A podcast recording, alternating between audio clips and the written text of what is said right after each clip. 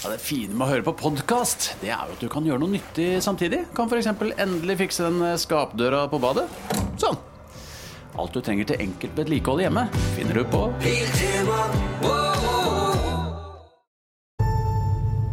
Jeg har kjent Jonny Hagelund i 30 år og vært med på noen av reisene hans. Noen få, vel å merke. I og med at jeg ikke er så stor fan av å surre rundt i en jungel i ukevis og spise insekter og bark, eller klatre over et fjellpass i 6000 meters høyde for å finne en inneklemt dal hvor det ikke er en kaffebar å oppdrive, har han reist mye på egen hånd for å ta de unike bildene og finne de utrolige historiene. Men i denne podkasten kan du være med fotograf og eventyrer Jonny Haglund på tur. På sine utrolige reiser til de mest bortgjemte steder har han filmet og tatt opp lyd, så da er det bare å lene seg tilbake og drømme seg vekk til de mest eksotiske steder på denne planeten. Og være trygg på at du slipper å bli fengsla, skutt på eller spist av kannibaler. Dette er Grenseløs, en podkast fra produsenten av Avhørt.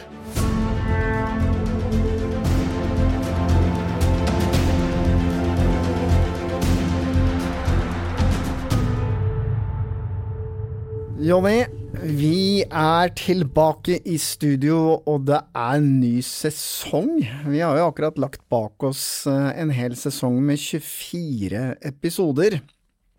Hvordan har responsen sponsen vært? Ja, jeg er veldig, veldig hyggelig. Jeg har fått uh, mange gode tilbakemeldinger, innspill. Tips har jeg fått da, om nye steder og reiser jeg kanskje burde gjøre. Så, og noen av dem kommer jeg faktisk til å høre på.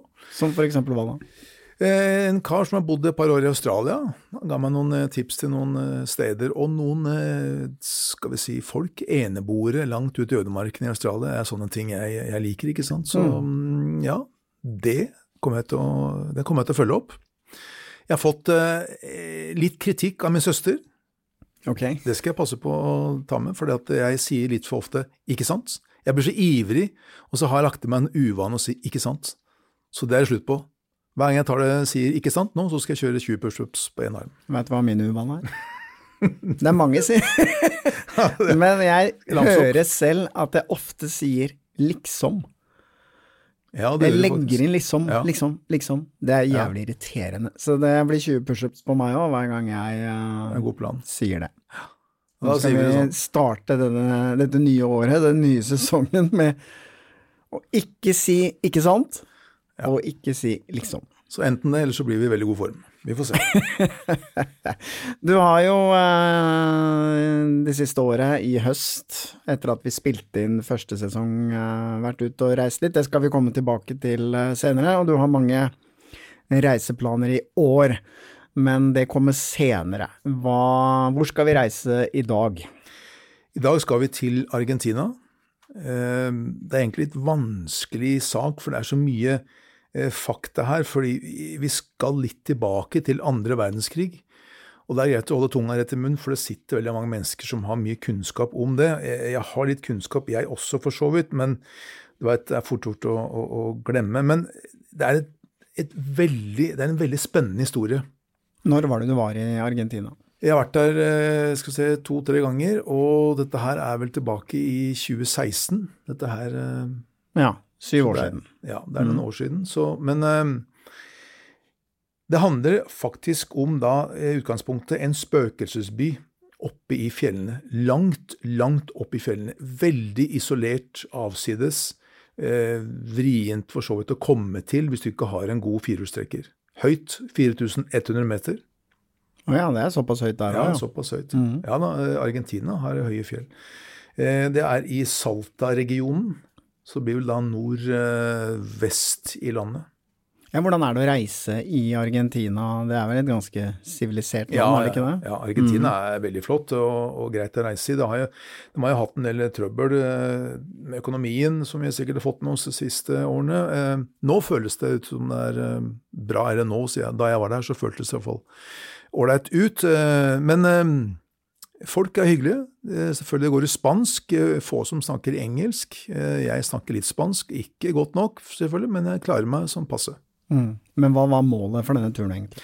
Jo, også jeg leste jo om den der La Casualidad, da, som ligger oppe i fjellene, som var en tidligere eh, svovelgruveby, hvor det bodde 3500 mennesker, som ble altså fraflytta da i 1978.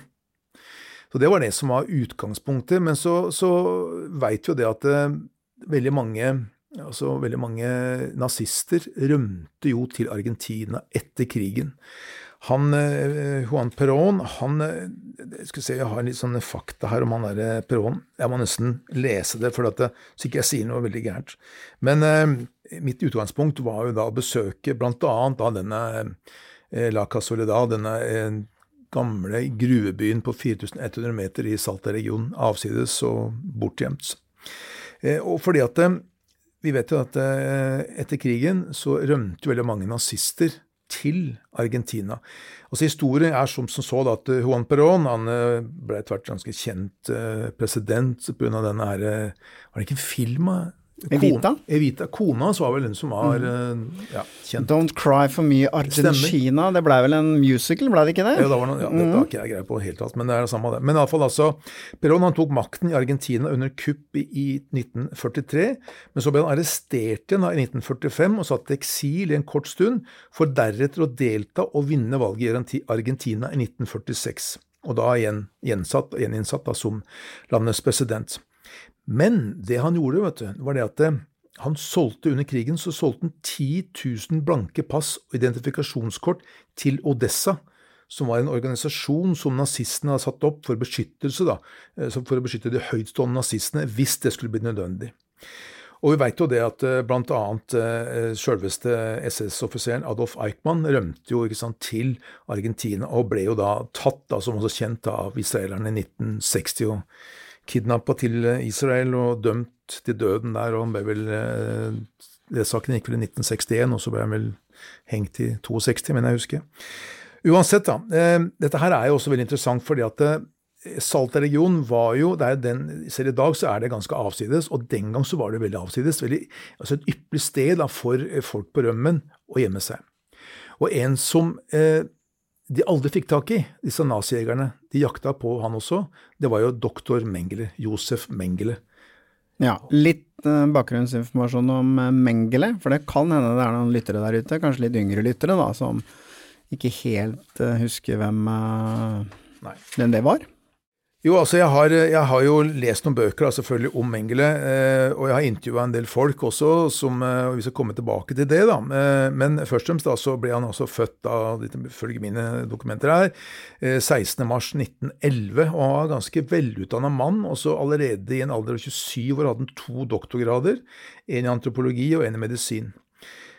Men mannen var jo kling, altså han var gæren, for å si det sånn. Man det jeg har lest, da, så, så blir man jo altså, De tenker er det mulig? Fordi at det, det er jo Han har mest sannsynlig sendt 400 000 mennesker i døden.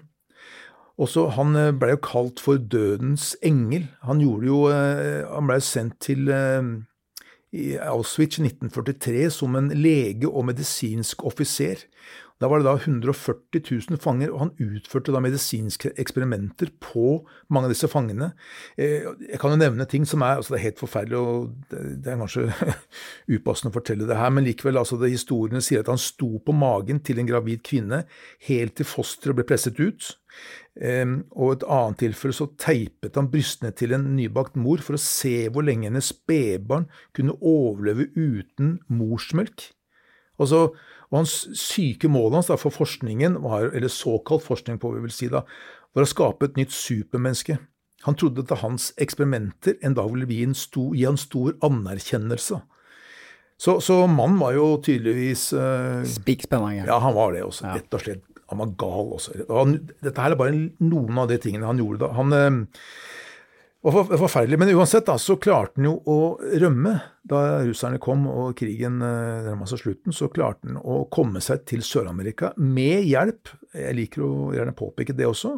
Han fikk hjelp av den katolske kirke samt ansatte i Røde Kors. What? Jepp. Dette her har jeg dobbeltsjekka. Så han dro altså da til eh, Sør-Amerika i 1949. Han ble faktisk arrestert både av italiensk politi under falskt navn. Så satt han faktisk tre uker i fengsel, heter en korrupt offiser som kom tilbake fra ferie, eh, sjekka dette her og ordna opp, da. Fordi at eh, familien til Mengele de tjente ganske gode penger. Eh, så takket være det så hadde han penger til å bestikke både her og der, og også da reise da til Eh, Sør-Amerika. Kjøpte seg falske dokumenter, leide guider som kunne han føre han gjennom Europa, og til slutt da, så fikk satt han på en båt da, med kurs for uh, Sør-Amerika. Så han endte opp i Argentina? Han endte opp i Argentina. Så er det Er det noe du skal fortelle meg at du fant han i Argentina? Nei, han eh, Det gjorde jeg ikke. ja, det, ja, det hadde vært en vært et oppslag. Det, det, skal jeg si nå. Det er, det er fem år siden, eller seks år siden, men, eller, men jeg, jeg, jeg, holdt på, jeg holdt på helt, helt i dag, tenkte jeg.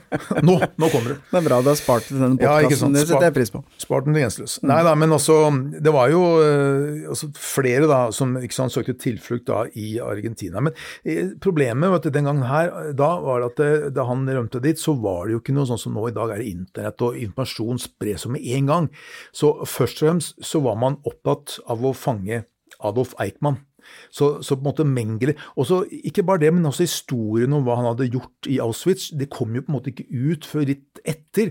fordi da begynte historiene fra pasienter, av de som hadde overlevd, begynte å fortelle hva denne gærne mannen hadde gjort. Eh, og Så begynte man å, og selvfølgelig også søke etter han. Men det, som sagt da, så var det liksom hva skulle man prioritere, og så var det ikke en flytende informasjon som det er i, i vår tid. ikke sant. Eh, men også, ja, så og, og Eichmann eh, også møtte jo da visstnok eh, sjølveste Mengele.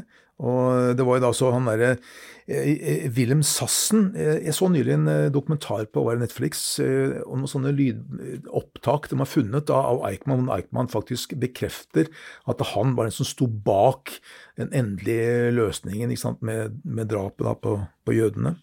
Han var jo en, en nederlandsk nazist, også en journalist, som intervjua Eichmann. Men han satte da eh, Eichmann i kontakt med dr. Mengele, så de var liksom gode kamerater i Buenos Aires.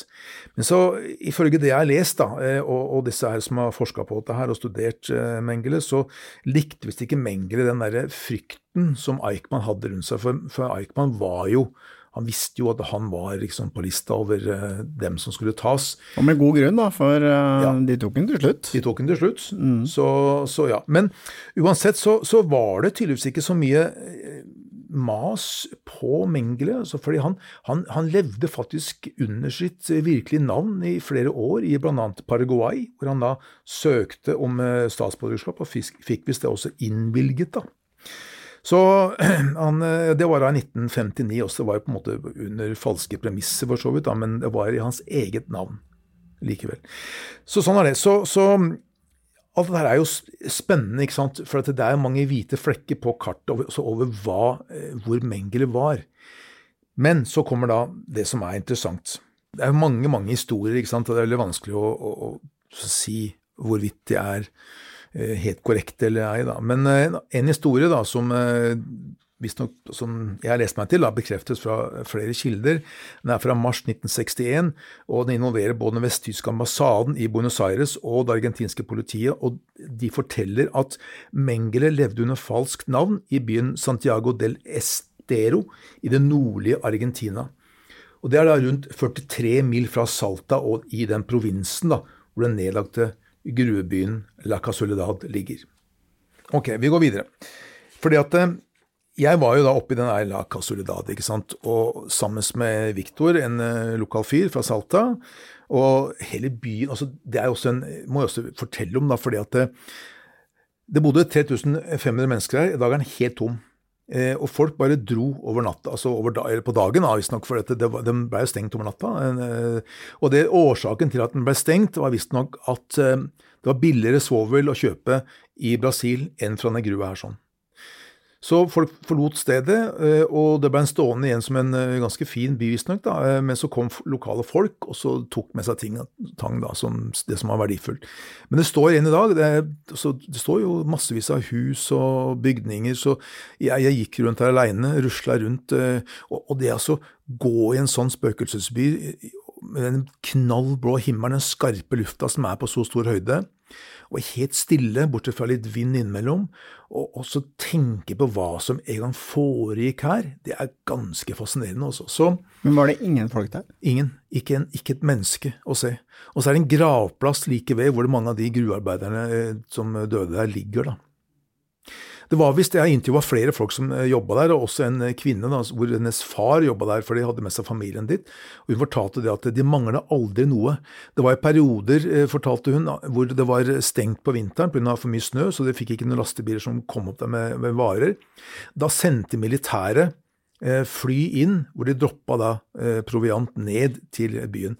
Husk på at det her var jo mens juntaen styrte Argentina. Mm. Og juntaen så det som en god inntektskilde å selge dette svovelet. Altså, det var jo veldig strikte regler, selvfølgelig, og ja, man vet jo åssen det var eh, under juntaen. Men eh, hun fortalte det da hun var liten jente, hun husker det som en veldig god tid da hun bodde med familien sin. Men eh, jeg da måtte gjøre mer research eh, fordi jeg var litt nysgjerrig, fordi Victor fortalte det at det var jo kjent at en del også tyskere kom hit. Han visste jo på en måte ikke noe om hvem som kom hit, men han trodde det at det mest sannsynlig så var det vel en eller annen nazist også. For det var jo som sagt mange som rømte dit. da. Eh, så vi dro og møtte da eh, Vi dro til Salta, og så litt, litt fram og tilbake så møtte vi da en kar på 89 år, Francisco Quintar. Han jobba der i mange år. Og jeg har et opptak der hvor han forteller en ganske spesiell ting. La oss høre på det. Really? Yes. Con el you, you, you know who Mengele is. Yeah, of course. Yeah. Um, and I've heard a, a few stories about. I mean, nobody knew where he spent 20 years, 30 years. Nobody. He, he got lost. Got lost. And somebody, well, I heard the story he, he had been working, or he had been a few years up there.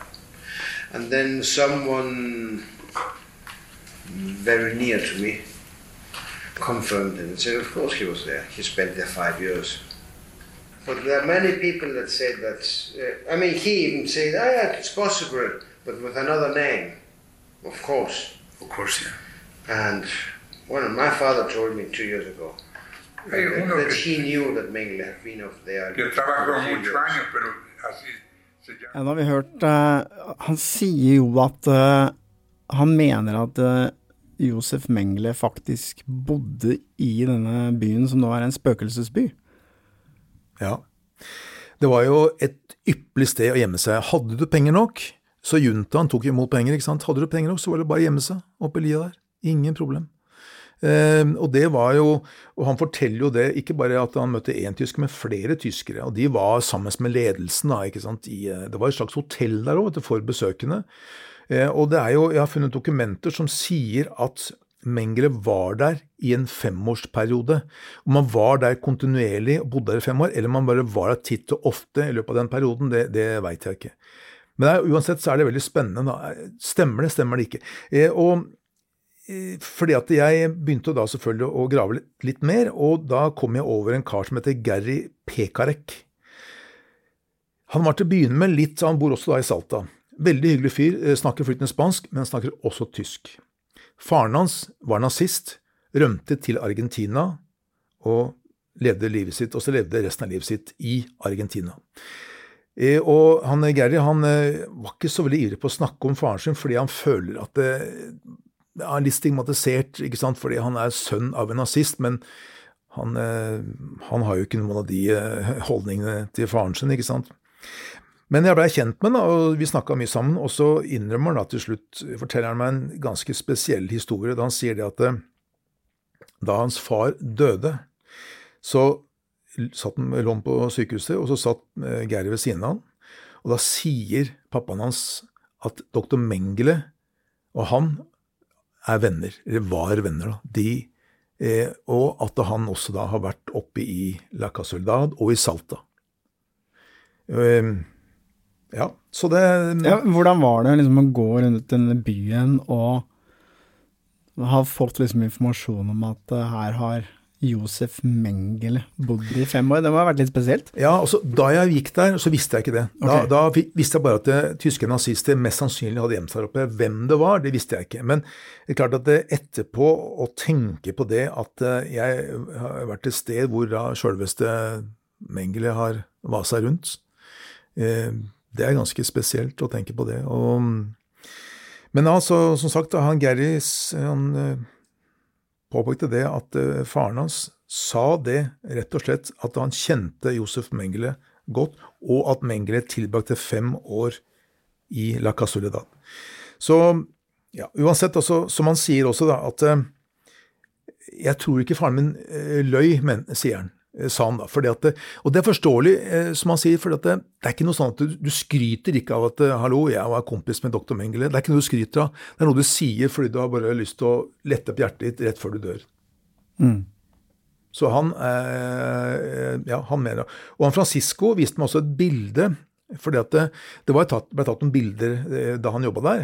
Noen svart-hvitt-bilder. Og da, på et bilde så mener han at det, der, det er doktor Mengele. Men som han sa, alltid når det var en fotograf til stede, hun tok bilder, så gjemte denne her typen som han tror var dr. Mengele, seg bak andre. hans. du ser aldri helt ansiktet hans. Du ser aldri hele gubben. Akkurat. Men dette er jo litt sånn typisk for, eh, for din eh, reisevirksomhet rundt omkring i verden, fordi du dumper jo stadig vekk over sånne type historier. Er det liksom helt tilfeldig, eller eh, er du veldig bevisst på det når du er ute på turene dine? Altså, jeg spør og graver. Jeg snakker med folk. Jeg, jeg, eh, jeg er veldig nysgjerrig, ikke sant. Eh, Opp, 20 pushups. Der kom den. Ok, et lite øyeblikk. Herregud.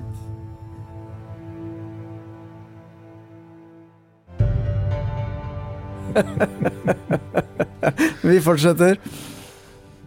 Nå kommer jeg helt ut av det. Jo, vi snakket jo om at nå? eh, du sant, Jobben din er jo å reise rundt i verden til eksotiske, og noen ganger litt mindre eksotiske steder, men du er jo liksom på jakt etter de gode bildene og de gode historiene. Ja. Men stadig vekk så, så snubler du jo inn i historier som kanskje er mye større, da. Jeg tror, ja, det er sant. Jeg, jeg, tror, jeg tror faktisk det at um, årsaken til det er tid. Og som jeg har sagt så mange ganger før, folk liker å snakke om seg sjøl. Og særlig hvis lytteren er genuint interessert, og jeg er jo veldig interessert i folks historie. Jeg kan se på et bilde, jeg var nylig nå i, eh, i Canada, i Dawson City, og der var det bilder av eh, disse gamle gullgraverne, svart-hvitt-bilder, og jeg er så nysgjerrig på bakgrunnen deres, livet deres, hvordan var det å leve, hvordan var det å komme opp dit, og sånne ting. Eh, det spør jeg mange mennesker om når jeg møter dem. Men jeg spør dem om alt. Også, ikke sånn frekt 'hvem er du eh, gift med', eller sånn. Altså, det, sånne ting bryr meg, bryr meg ikke om. Jeg bryr meg om det, hvordan lever de, hvordan, eh, hva jobber de med? Eh, og særlig da, det er land som Argentina, med den historien, etterkrigshistorien, så må jeg jo spørre folk om nazister. Men, men er argentinere generelt litt sånn flaue over at de ble en sånn hva skal jeg si noe, fristed for nazistene etter krigen? Jeg har ikke inntrykk av det. Nei, det er ikke noe de skammer seg over. Nei, jeg, de jeg har vært mye sammen med i Argentina, de bare ler litt av det og rister på hodet og syns jo den perioden var litt sånn på kanten, men eh, det var den gang. Dagens eh, argentinere er jo ikke sånn. Nei. Men jeg regner med at du dro vel ikke til Argentina bare for å besøke denne spøkelsesbyen oppe i fjellene. Hva mer gjorde du? Jeg var også da i, eh, langs eh, kysten blant annet, men jeg gjorde også én ting til, skjønner du, når vi først er inne på dette her med nazister.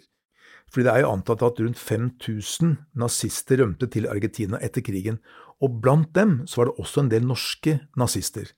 Og en av dem, Arne Høygård, NS-lege, han rømte jo til Argentina, og historien hans er mildt sagt svært fascinerende. Ok, fortell. Ja. Han eh, gjorde vel egentlig ikke noe sånne store, farlige ting. Han var ikke noe doktor Mengele på langt nær, men han ble likevel dømt under eh, Landssvikeroppgjøret. Landssvikeroppgjøret, ja, etterpå. Men han rømte. Han seilte, han gjør en lang historie kort, han rømte til Argentina. Han seilte over Atlanterhavet. Han har skrevet bok om det, faktisk, og kom da til Buenos Aires og ble plassert han var jo lege, ikke sant, og ettertrakta, selvfølgelig. Han ble plassert i Salta-regionen, og så ble han derfra eh, plassert opp i, i Kasi, en liten landsby oppe i fjellene. Og jeg måtte selvfølgelig dra dit og, møte de som da eh, kanskje kjente han. Han har også gifta seg med en argentinsk eh, dame, og hun jo, har jo familie, og, hun, og, de bor jo fortsatt i Argentina, som jeg også møtte for å intervjue. da. Det interessante med han Høygård er det at det, det kan virke som at han prøvde å gjøre, alt, gjøre ting godt igjen i forhold til hva han hadde gjort som nazist. Fordi at eh, de jeg møtte, samtlige møtte som hadde kjent ham, blant annet den tidligere ordføreren i Kasi, han sa at det her var verdens fineste mann. Han fortalte blant annet at han satt på et esel. Høygård han ble, fikk høre at det var noen som var syk langt oppe i fjellene. Det tok mange mange timer å ri opp i fjellene til denne personen som var syk. Veldig fattige mennesker, hadde ikke råd til å betale han. Han gjorde jobben gratis, ville ikke ha noe for det. Og det skjedde stadig vekk, fortalte han tidligere ordføreren. Så han gjorde en ganske formidabel jobb også med å hjelpe fattige mennesker opp i den bitte lille landsbyen. Jeg var i, huset hans, hjemme der han bodde, sammen med sin etter hvert argentinske kone. Han eh, hadde jo kone også og barn i Norge, som han etter hvert De var faktisk på besøk, de også. Jeg snakka jo med sønnen hans, faktisk, eh, etter at jeg hadde vært i Argentina. Men jeg fascineres veldig av dette her, altså dette med eh, Høygård. Hva var det som foregikk inn i hodet hans? Eh, var det sånn at han faktisk tenkte han skulle gjøre opp for seg? Var det derfor han var så grei? Hvor han flytta til en bitte liten landsby som selv i dag er, ligger avsides til, høyt oppe i fjellene. Veldig, veldig fint sted. Sånne ting fascinerer meg eh, særdeles mye. Han var jo en ganske eh, flink person, han eh, Høygård hjemme, også flink, jeg vil si, for han var jo på noen, han var på noen sånne poltur, blant annet, med han Meren, eh, det er jo selvfølgelig før krigen, så han var, ja, han var en, var en type, han var det. Men det som er fascinerende med at du reiser til Argentina, men det er jo hva skal jeg si, norsk historie å finne ja. der også. Og, det det. og, hva han har gjort og ikke gjort, det er for så vidt uh, en annen diskusjon, men, eh, men, det er jo interessant da at du finner de historiene, finner de menneskene og snakker med dem eh, mens du er ute og reiser. Ja. Det er en veldig god bok eh, som jeg Det er ikke det jeg skal drive anbefale så mange bøker, men den heter 'Norske nazister på flukt', hvor latinamerikaviter og forfatter Anne Kristin Furuseth hun forteller da inngående om hvordan og, og hvem, også da for så vidt, som rømte da til Argentina etter krigen. Og Hun forteller også det, hun, hun, dokumenterer også faktisk at norske nazister omgikk Adolf Eichmann i lengre tid også. Og Hun mener det at eh, hvis det var tilfellet at Mengele oppholdt seg, som jeg nevnte, i Salta-provinsen eh, Salta en periode, så er det ikke usannsynlig at han var i kontakt også med nettverket av eh, norske nazister som var eh, i eh, det området. Og Det var jo også da en, en del norske leger som endte opp i Salta-regionen, bl.a. da eh, Arne Høygård. Og Han tok jo faktisk over da han eh, kom som eh, lege til Kasi-provinsen. Så tok han over som lege etter en annen norsk lege som også var der oppe. Han også var en nazist. Har ikke navnet hans i hodet akkurat nå. Sånn er det med gamle folk. Nei, ja, men det var flere av dem, altså. Det var flere av dem. det var flere av dem. Men hvordan, eh, da du snakket med, med enken til denne norske legen, da hadde han vært ærlig overfor henne? Eller hun levde kanskje ikke, hun? Nei, hun levde ikke. Jeg snakka med det, var, altså det som var interessant, var fordi at de som var igjen, da, dette var vel Åssen blir eh, niesa, søsterbarnet til hun som var gift med han eh, Høygård Jeg er dårlig på sånne familiegreier, men de, de var jo overraska av begeistring for å ha hatt også en nordmann i familien. De elska jo Høygård. Det var ikke måte på hva de kunne si fint om denne mannen. Eh, og de, dette at han har vært nazist, det bare blåste de det. Nei, det var ikke noe. Det er overdrevet, det tror vi ikke kan ikke stemme. De var ikke noe særlig Ikke at de benekta det, men de mente at han hadde ikke gjort noe gærent. Han bare forsto ikke helt hva han gikk inn i da han ble medlem i NS. Eh, Det var det de fortalte meg. Men eh, ja, ja, men eh, det er litt rart, dette her Argentina, at saltet er også omtrent på andre siden av jordkloden i forhold til Norge. Eh, Dit rømte dem, og dit, der trivdes dem, og der ble de lagd et nytt liv i fjellene der sånn. Fascinerende. Men Det må jo ha vært en grunn til at de dro ut fra storbyen og langt opp i fjellene til noen små byer, kanskje. Det var Ja. en redsel for å Ja bli tatt. Jeg, eh, eh, under research med han doktor. Mengele, da, så han ble ganske paranoid etter hvert, fordi han eh, visste jo etter hvert at han ble jakta på av eh, særlig Mossad, da, eh, og disse nazijegerne, de var, de var ganske tøffe karer også, det var ikke noen du tulla med.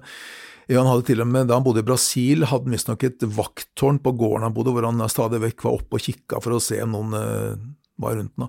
Og han var vel nær ved å bli tatt flere ganger, men eh, han ble aldri tatt. da.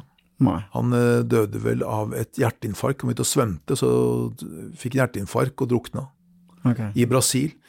Det, det, som, det som mange tenker, da, de som har eh, som, også, Nå er jeg kan jeg si at jeg er så ung at jeg husker jo ikke det, for jeg var jo født uh, mer enn Jeg var født 20 år etter krigen, ikke sant. Så, men uansett så vil jeg fortelle en historie her som uh, Fordi veldig mange syns jo det selvfølgelig var forferdelig at han Mengele aldri ble straffa for det han hadde gjort. Og det er jo riktig, men i 72, da hadde han vært på rømmen i mange år, da, men, og han hadde en indre frykt da selvfølgelig som, han, eh, som opparbeida seg etter hvert, da han skjønte at folk var på jakt etter han. Eh, og da hadde han en sånn uvane eh, om at han hele tiden sa 'ikke sant'. Nei, det var ikke det han hadde. Han hadde en annen uvane. Han det var tygde på barten sin, en sånn svær sånn hvalrosslignende bart som han tygde på. Og etter hvert så svelget han så mye hår at en hårball blokkerte innvollene hans og ga han mye smerte. Derfor så måtte han operere, noe som i verste fall, sett fra Mengeles ståsted, da kunne avsløre han. Men uh, han hadde falsk Men du, identifikasjonskort. du, du må stoppe. Må jeg stoppe der? Altså, han tygde så mye på barten sin Ja. at han fikk en hårball. Som en katter. Ikke sant? Helt Han fikk en hårball som blokkerte innvollene hans og ga han mye smerte. Og så måtte han da opereres.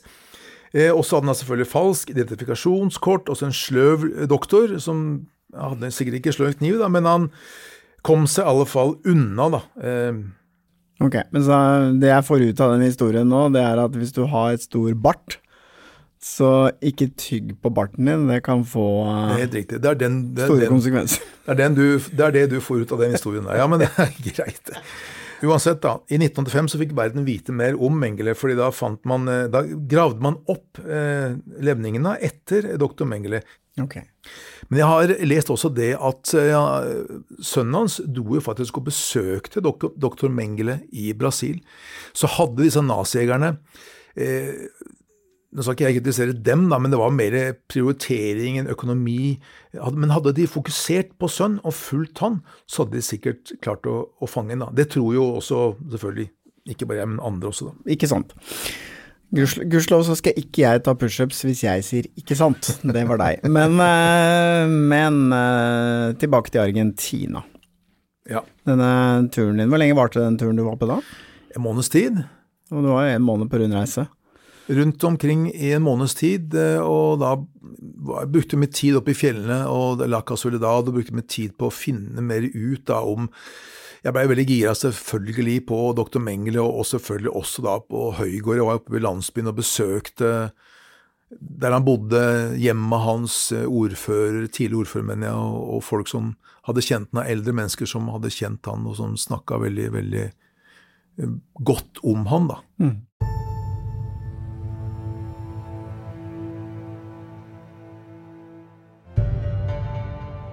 Hva vil du si om Argentina som land å reise rundt i? Altså mat, opplevelser, hva Argentina så kan du på en måte velge litt. da. Du kan jo ta Buenos Aires og de litt mer eh, etablerte, eh, siviliserte kanskje områdene. da. Og oppleve storby og hyggelige mennesker og god mat og alt det der vin og det der greiene der sånn som ikke er noe opptatt av. Eller du kan reise inn i de eh, avsidesliggende fjellene å finne f.eks. eh, byer da, som La Casoledad. Du har jo flere sånne små spøkelsesbyer eh, med ganske rike historie i det samme området. Helt nakne fjell, eh, for å si det sånn. Det er en høyfjellsørken. Og du kan jo starte sånn som i Tolar Grande, som, eh, hvor jeg starta også, hvor det det er gammel toglinje som går der. eh, Det er, det er masse, masse å ta tak i. Men det, det er litt tidkrevende, det er det. Ok. Men du Stort anbefaler å leie en bil, eller? Ja, jeg leide en bil og en eh, lokal fyr. Jeg var jo på en måte eh, på jobb, jeg skulle ta bilder, og, og da er det eh, Når jeg fotograferer mennesker, så er det mye lettere å ta bilder av folk hvis jeg er sammen med en de på en måte kjenner, ikke kjenner, men som er fra deres uh, kultur, da, som snakker deres språk flytende. Jeg kommer litt stotrende på min spansk med svært kamera, så blir folk kanskje litt skeptiske. og Ofte så liker jeg å ta bilder av folk som kanskje gjør noe som er litt annerledes, da. Og, og da er det alltid greit å ha med en som de føler at det var at han stoler jeg på, så er det greit, han, eh, han nordmann er ikke så verst likevel. Mm. Og da slipper jeg ofte til, da. Slik at jeg kan ta de bildene. ja, for det er jo liksom, det er fotograf som er liksom profesjonen din, da. Hvis vi ser bort fra ingeniørutdannelsen som du aldri gjorde noe med. Men, eh, Ja men jeg, jeg har fått noen tilbakemeldinger på at eh, Kan du si litt om hvordan du jobber også som fotograf? Det er jo mange som har interesse for foto der ute, som kanskje syns det er morsomt å få noen Ja ja, selvfølgelig. tips. Også Hvordan ja. går det fram, egentlig? Og hvordan, hva er viktig for deg? Det viktige for meg, det, det jeg ønsker, er jo å fortelle en historie som om at jeg er en flue på veggen. Det vil si at jeg går inn Jeg liker veldig godt å fotografere arbeidere. For eksempel da, i Tola Grande så fotograferte jeg eh, togarbeidere, de som la, bygde en uh, utbredde en gammel eh, toglinje der. Eh, da kom jeg dit. Starter ofte tidlig til om morgenen. I, samtidig som de begynner på jobb, så kommer jeg. Da liker jeg, for da er lyset ofte fint, og det er stemning om morgenen. Og så prater jeg med dem, forteller hvem jeg er, hvorfor er jeg der, og så har jeg alltid kamera ute. Alltid kamera fremme, fordi at det, først må de bli vant til meg. Hvis jeg har kamera i sekken, så må de først bli vant til meg. Og når jeg på en måte blitt, ikke er så skummel, så kommer plutselig det svære kameraet fram, så blir det en ny ting å forholde seg til. Men kommer jeg med kameraet framme, så er det på en måte jeg og kameraet er i ett, da. Eh, snakker jeg med dem, og så tar jeg litt bilder. Og mange av de bildene blir selvfølgelig veldig dårlige. Til å begynne med så er folk litt stive. litt sånn, hvem er, altså, hvem er det, hva driver de med? Men så blir de vant til meg, vant til at jeg fotograferer. Og da begynner de eh, å gå tilbake da, til den modusen de ville vært om jeg ikke var der. De bare ser at det her, altså, de er vant til at jeg driver og fotograferer, fotograferer, fotograferer og tar bilder. Og det er det jeg ønsker, da. Jeg ønsker å være som sagt en flue på veggen. Det er, og så er det det også, men at alt handler om tillit, respekt. Det er, det er det, de to tingene det handler om. Eh, For at jeg skal få lov, så må jeg få deres tillit, og for å få deres tillit, så må jeg komme med respekt. Det er så enkelt som det. Men jeg tenker at veldig mange som Nå kan jeg ingenting om fotografering, men jeg tenker at du nevnte jo lys er viktig, eh, komposisjon Ja Er du veldig opptatt av å, å gi regi i forhold til fotograferinga di, eller uh, skal dette Nei. bare skje helt naturlig? Det skal jeg altså gi regi eh, da, da måte føler jeg at da konstruerer jeg jo et bilde. Da kunne jeg leid inn en eh, fem eh, underbetalte skuespillere, og så kunne jeg iscenesatt eh, det showet, og så fått bilder, og så sagt det var ekte. Men da er det juks, ikke sant. Så jeg sier ingenting. Jeg, jeg kan, hvis jeg tar portrett da, for eksempel, så kan jeg spørre om den personen jeg vil ta bilde av, kan stå bort ved en vegg eller et sted hvor det er fint lys. Det, det er unntaket. Ellers så fotograferer jeg akkurat sånn som det er når jeg er der. Jeg er bare med dem. Jeg vil ikke komme veien, ikke, være i veien for dem, og jeg vil ikke være til bryderi for dem. Jeg vil bare fotografere det de gjør, og så må jeg bare plassere meg i forhold til lys, i forhold til komposisjon, finne den beste plassen. Og det tar tid, og det er jo det som så fint, fordi at det, da blir de mer kjent med meg, samtidig som jeg får tid til å komponere og finne mine vinkler. Men ok, Argentina, er det, er det dyrt? Nei, det var vel ikke så dyrt. Eh, absolutt ikke. Nei, det går an å reise rundt uten Ja da, å bli ja da, nå blakk. er det jo, Kronen har jo ikke vært papirene har skrevet på en gang i dag, så det er vel dyre nå enn da jeg var der. Det, sånn er det dessverre med resten av verden, tror jeg. Den er blitt mye dyrere. Eh, ok, så du kan anbefale å reise til Argentina, eller? Ja, ja, absolutt. Og særlig hvis du har litt uh, Hvis det er litt eh, Syns det er litt spennende med historier fra andre verdenskrig, spør og grav om det, så finner du historier, og særlig oppe i fjellene, så er det masse å ta. Og også selvfølgelig i Buenos Aires. Det er masse å ta. Dagens argentinere, i hvert fall slik jeg opplevde det, har ikke noen problemer. Ingen som blir fornærma? Nei, jeg, jeg tror ikke det.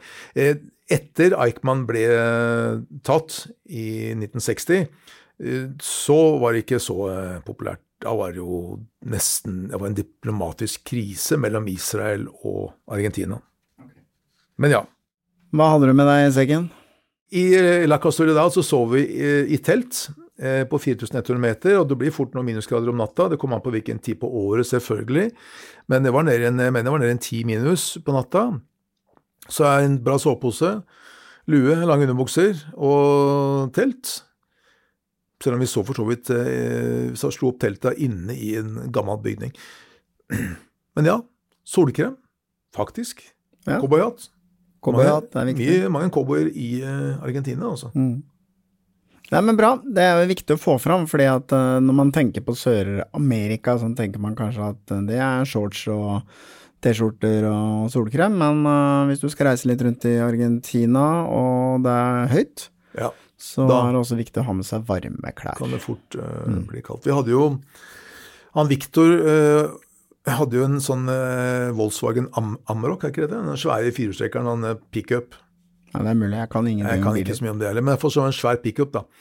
Og vi var langt ute i eh, fjellene, så stoppa bilen. Motoren bare Han fikk en jeg tror vifteramma røyk, og så fikk han en bit av vifteramma inn i en eller annen eh, overliggende kammersel eller Ja, et eller annet sted. et eller annet sånn Et uheldig sted. Men poenget i hvert fall er at eh, bilen stoppa, og vi er langt ute i huet i Heita. Men heldigvis så hadde han med seg radio, så han kontakta nærmeste by.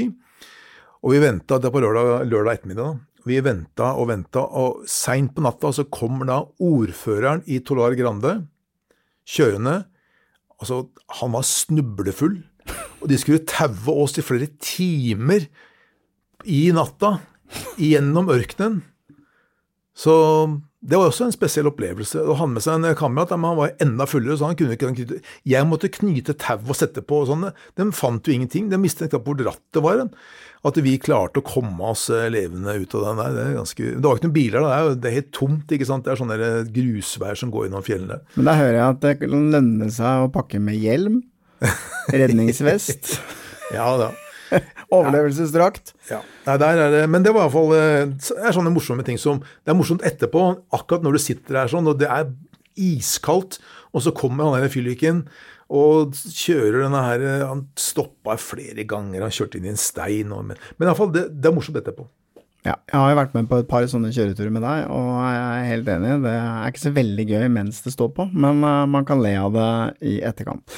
Ok, Jonny, jeg tror vi stopper der. Du har jo 200 pushups du skal ta, og jeg stoler ikke på at du tar dem når du kommer hjem som hjemmelekse, så eh, vi, nå bare stopper vi, og så tar du de 200 pushupsene.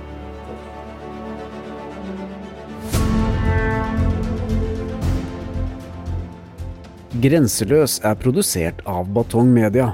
Episoden er klippet av Erik Lie Johannessen. Kreativ leder er Lars Christian Nygårdstrand, og eksekutiv produsent er Helge Molvær. Hvis du vil se bilder fra Jonny sine reiser, gå inn på Instagram og søk opp Jonny-Haglund. Vil du annonsere i Grenseløs? Ta kontakt på salg at batong.no.